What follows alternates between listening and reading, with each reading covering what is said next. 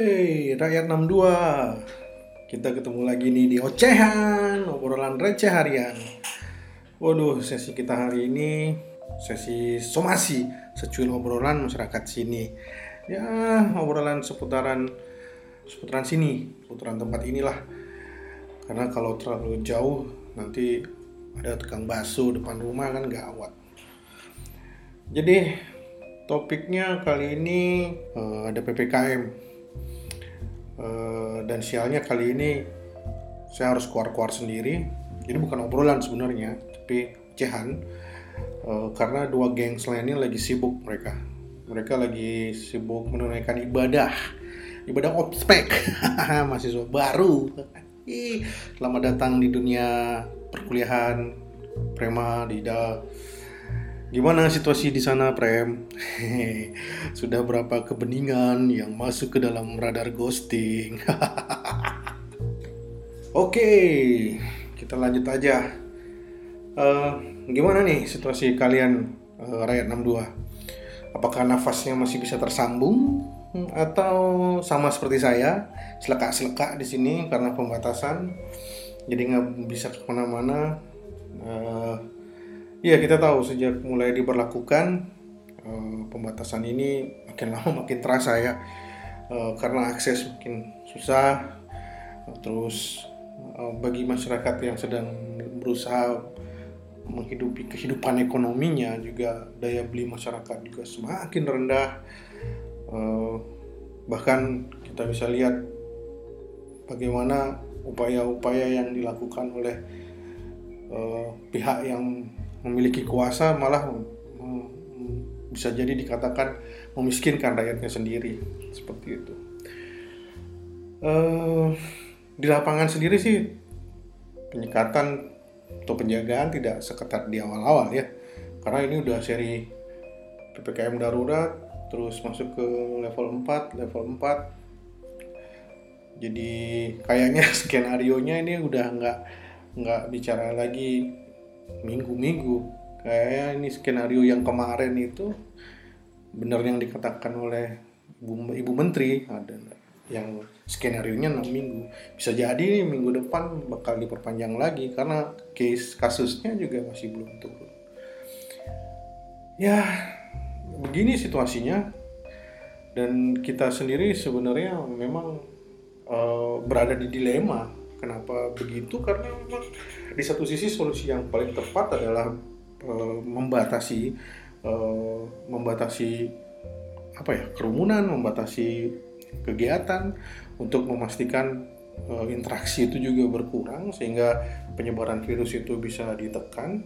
Tapi di sisi lainnya uh, ya kita harus hidup, kita harus makan itu itu itu faktanya seperti itu memang dilemanya ya antara sehat atau hidup yang kedua-duanya hubungan apa uh, ujungnya itu adalah nyawa. Kita harus sehat karena ini nyawa kita. Karena kalau tidak ya matilah kita. Dan di satu sisi juga kita harus makan kita harus hidup. Karena kalau nggak makan lapar mati kita juga gitu. Dan di mana pemerintah? Ya pemerintah ada. Ada di situ. Uh, dengan kebijakan-kebijakannya. Tapi kalau di, dikatakan apakah kebijakannya efektif, mungkin saja bagi mereka efektif karena apa? Anggarannya masih ada. Tetapi bagi kita itu belum belum tentu belum tentu juga. Dan kita lihat sendiri dari awal pemberlakuan atau janganlah dari awal pemberlakuan, dari awal pandemi di bulan Maret di Bali sendiri, kita, kita bicara tentang pulau kita, di Bali sendiri sebenarnya kalau umpamanya setelah nyepi itu langsung di, dibuat serius penanganannya dikatakan lockdown gitu sebenarnya kalau dilihat dari beberapa uh, statement atau pernyataan dari para ahli sebenarnya Bali bisa bisa selesai duluan. Maksudnya bisa bisa tamat duluan.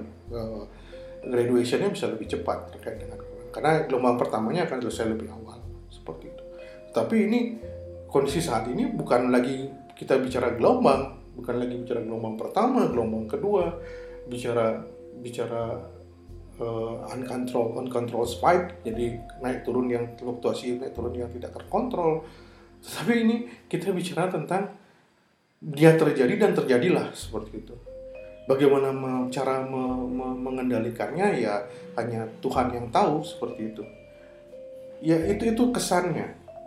Dan dan dan saya pikir wah ini ini jadi sesuatu yang yang apa ya yang menjadi ambigu sekali. Karena di satu sisi katanya ingin ingin mengentaskan ini sehingga memulihkan ekonomi tapi di sisi lainnya uh, kebijakannya ya sangat sangat sangat mungkin bisa dikatakan lambat. Kalau jika eh, kita kita runut ke belakang mungkin juga bisa dikatakan kurang efektif. Kita juga runut ke belakang nah situasi ini yang memang bikin kita harus benar-benar bisa beradaptasi.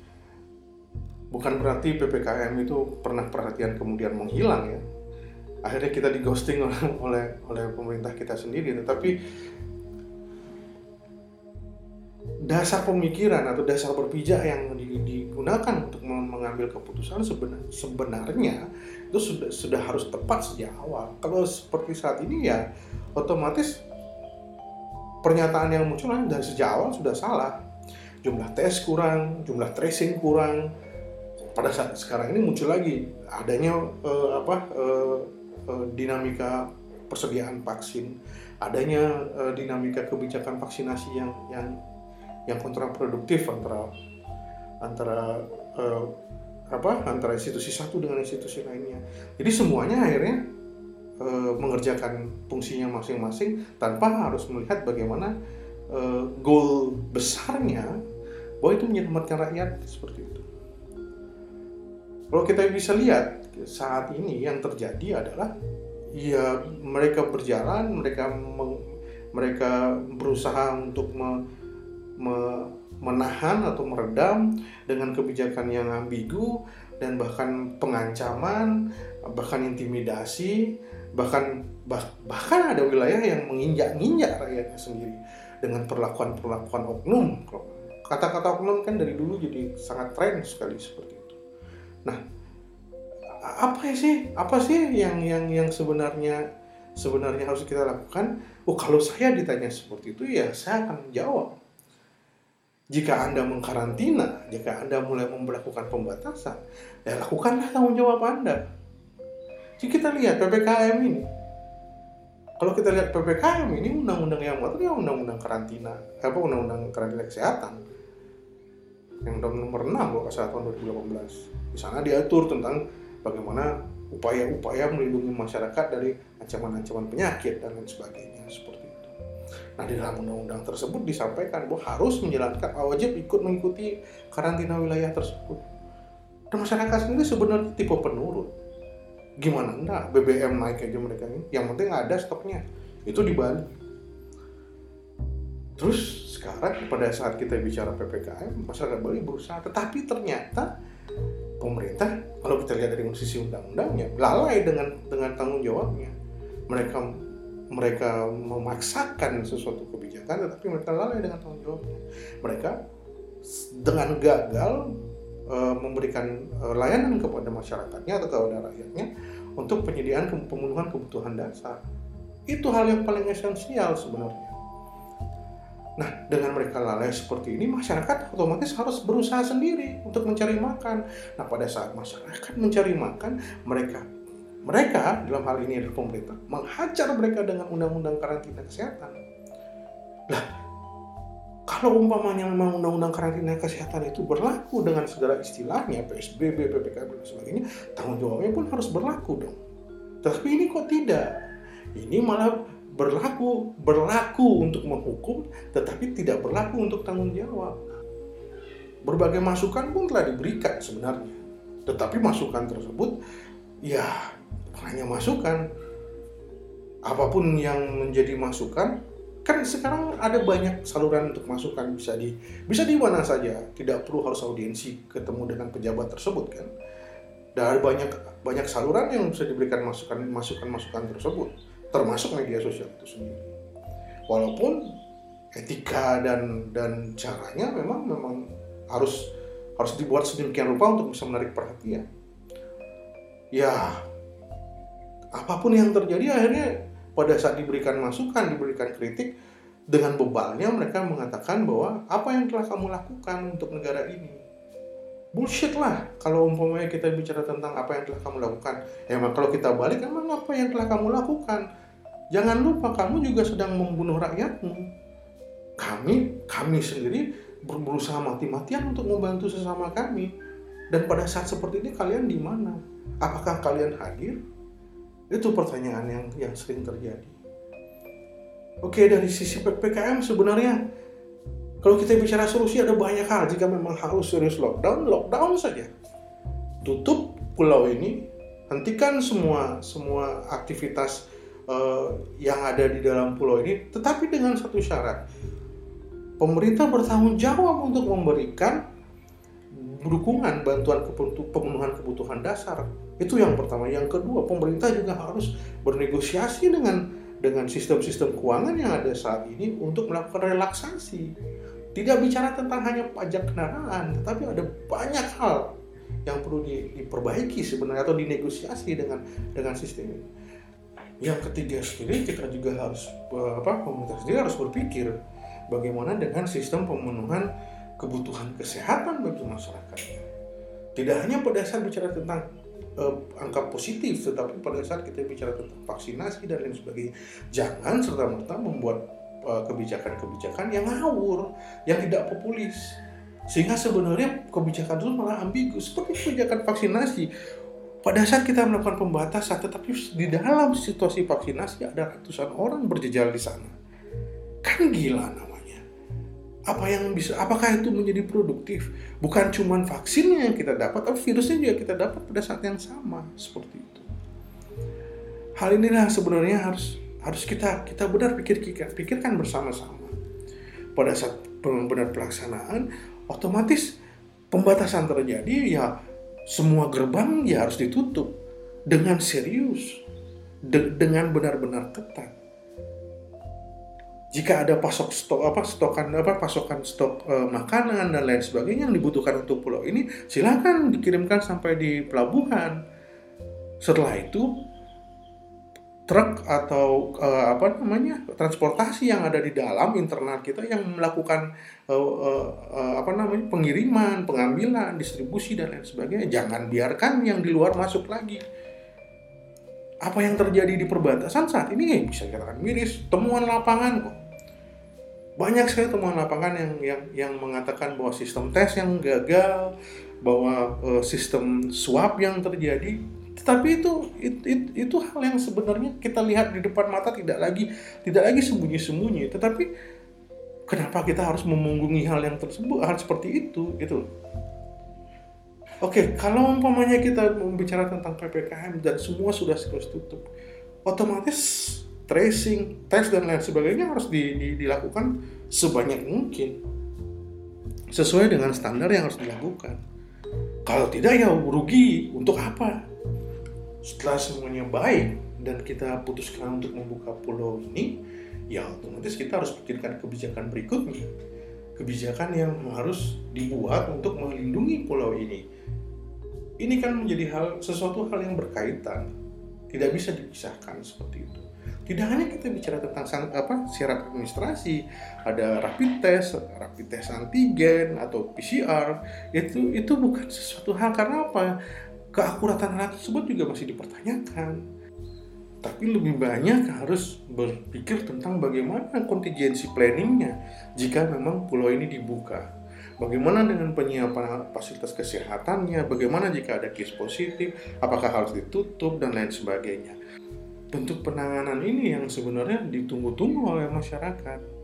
Karena kalau memang e, penanganan ini dilakukan dengan sistematis, masyarakat sendiri juga akan akan merasa bahwa wah ini serius pemerintah kita serius memberikan kita e, apa e, layanan yang bisa e, memberikan kenyamanan dan keselamatan bagi kita sendiri. Saya rasa sih seperti itu. Apa sih data dasar berpikirnya ya ini hal yang sederhana dan ini sudah sering sudah ada banyak contohnya di bagaimana penanganan-penanganan di luar negeri sana yang bisa kita contoh dan adaptasikan dengan dengan sistem kita itu sebenarnya jadi bukan hal yang mustahil. Oh, karena anggaran tidak ada. Iya. Halo, bagaimana dengan korupsi bansos itu? Dari partai mana? Ya, itu harus kita lihat juga. Dan bagaimana KPK-nya? Di mana eh, penegakan hukumnya? Seperti itu. Jadi ini hal yang sangat complicated namun tidak tidak bukan tidak mungkin seperti itu. Saya rasa rakyat 62 sudah tahu semua, rakyat 62 sudah melihat semua. Kita kita bisa berdoa uh, mudah-mudahan penanganan ini memang betul-betul bisa sangat serius dilakukan dan dan bisa sangat uh, sangat efektif dilakukan dan masyarakat bisa terselamatkan itu intinya. Jadi hal ini jadi PPKM juga PPKM yang prioritas penyelamatan kehidupan masyarakat. That's it. Jadi, ya semua bisa bersinergi, semua bisa berjalan bersama-sama, dan saya yakin masyarakat rakyat pasti bantu rakyat. Eh, pemerintah di mana? Ya, pemerintah menjalankan fungsinya seperti itu. Tetapi tidak dengan membunuh rakyatnya sendiri seperti kita lihat saja minggu depan seperti apa apakah diperlama lagi. Kalau diperpanjang saya yakin cuma Mayrot yang tahu. Tapi ini diperlama dan juga mungkin diperluas. Tapi kita berharap bahwa ini menjadi sebuah kebijakan yang efektif untuk meredam virusnya untuk untuk uh, merealisasikan kata-kata uh, pemerintah yang menyebutkan bahwa ini untuk menyelamatkan kehidupan masyarakat. Oke, sampai jumpa di somasi berikutnya. Uh, tetap pantengin channel kita di Ocehan, obrolan receh harian, dan juga Instagram kita. Jangan lupa untuk seluruh rakyat 62 untuk tetap jaga kesehatan, jaga imun. Uh, jika memang harus keluar rumah untuk berusaha untuk hidup, menyambung hidup, pastikan untuk uh, mengikuti protokol kesehatan dan jangan lupa ini tidak hanya bicara tentang diri kita, tetapi bagaimana kita bisa menulari orang lain dan bagaimana pada saat kita tertular kita pulang ke rumah kita menulari eh, orang-orang yang tersayang di rumah kita. Jadi tetap mohon saling bantu, saling jaga untuk memastikan bahwa kita bisa melalui badai ini. Tidak perlu panik, tidak perlu takut. Yang pasti bahwa hidup ini akan tetap terus berjalan apa pun yang ada tetap semangat sampai jumpa lagi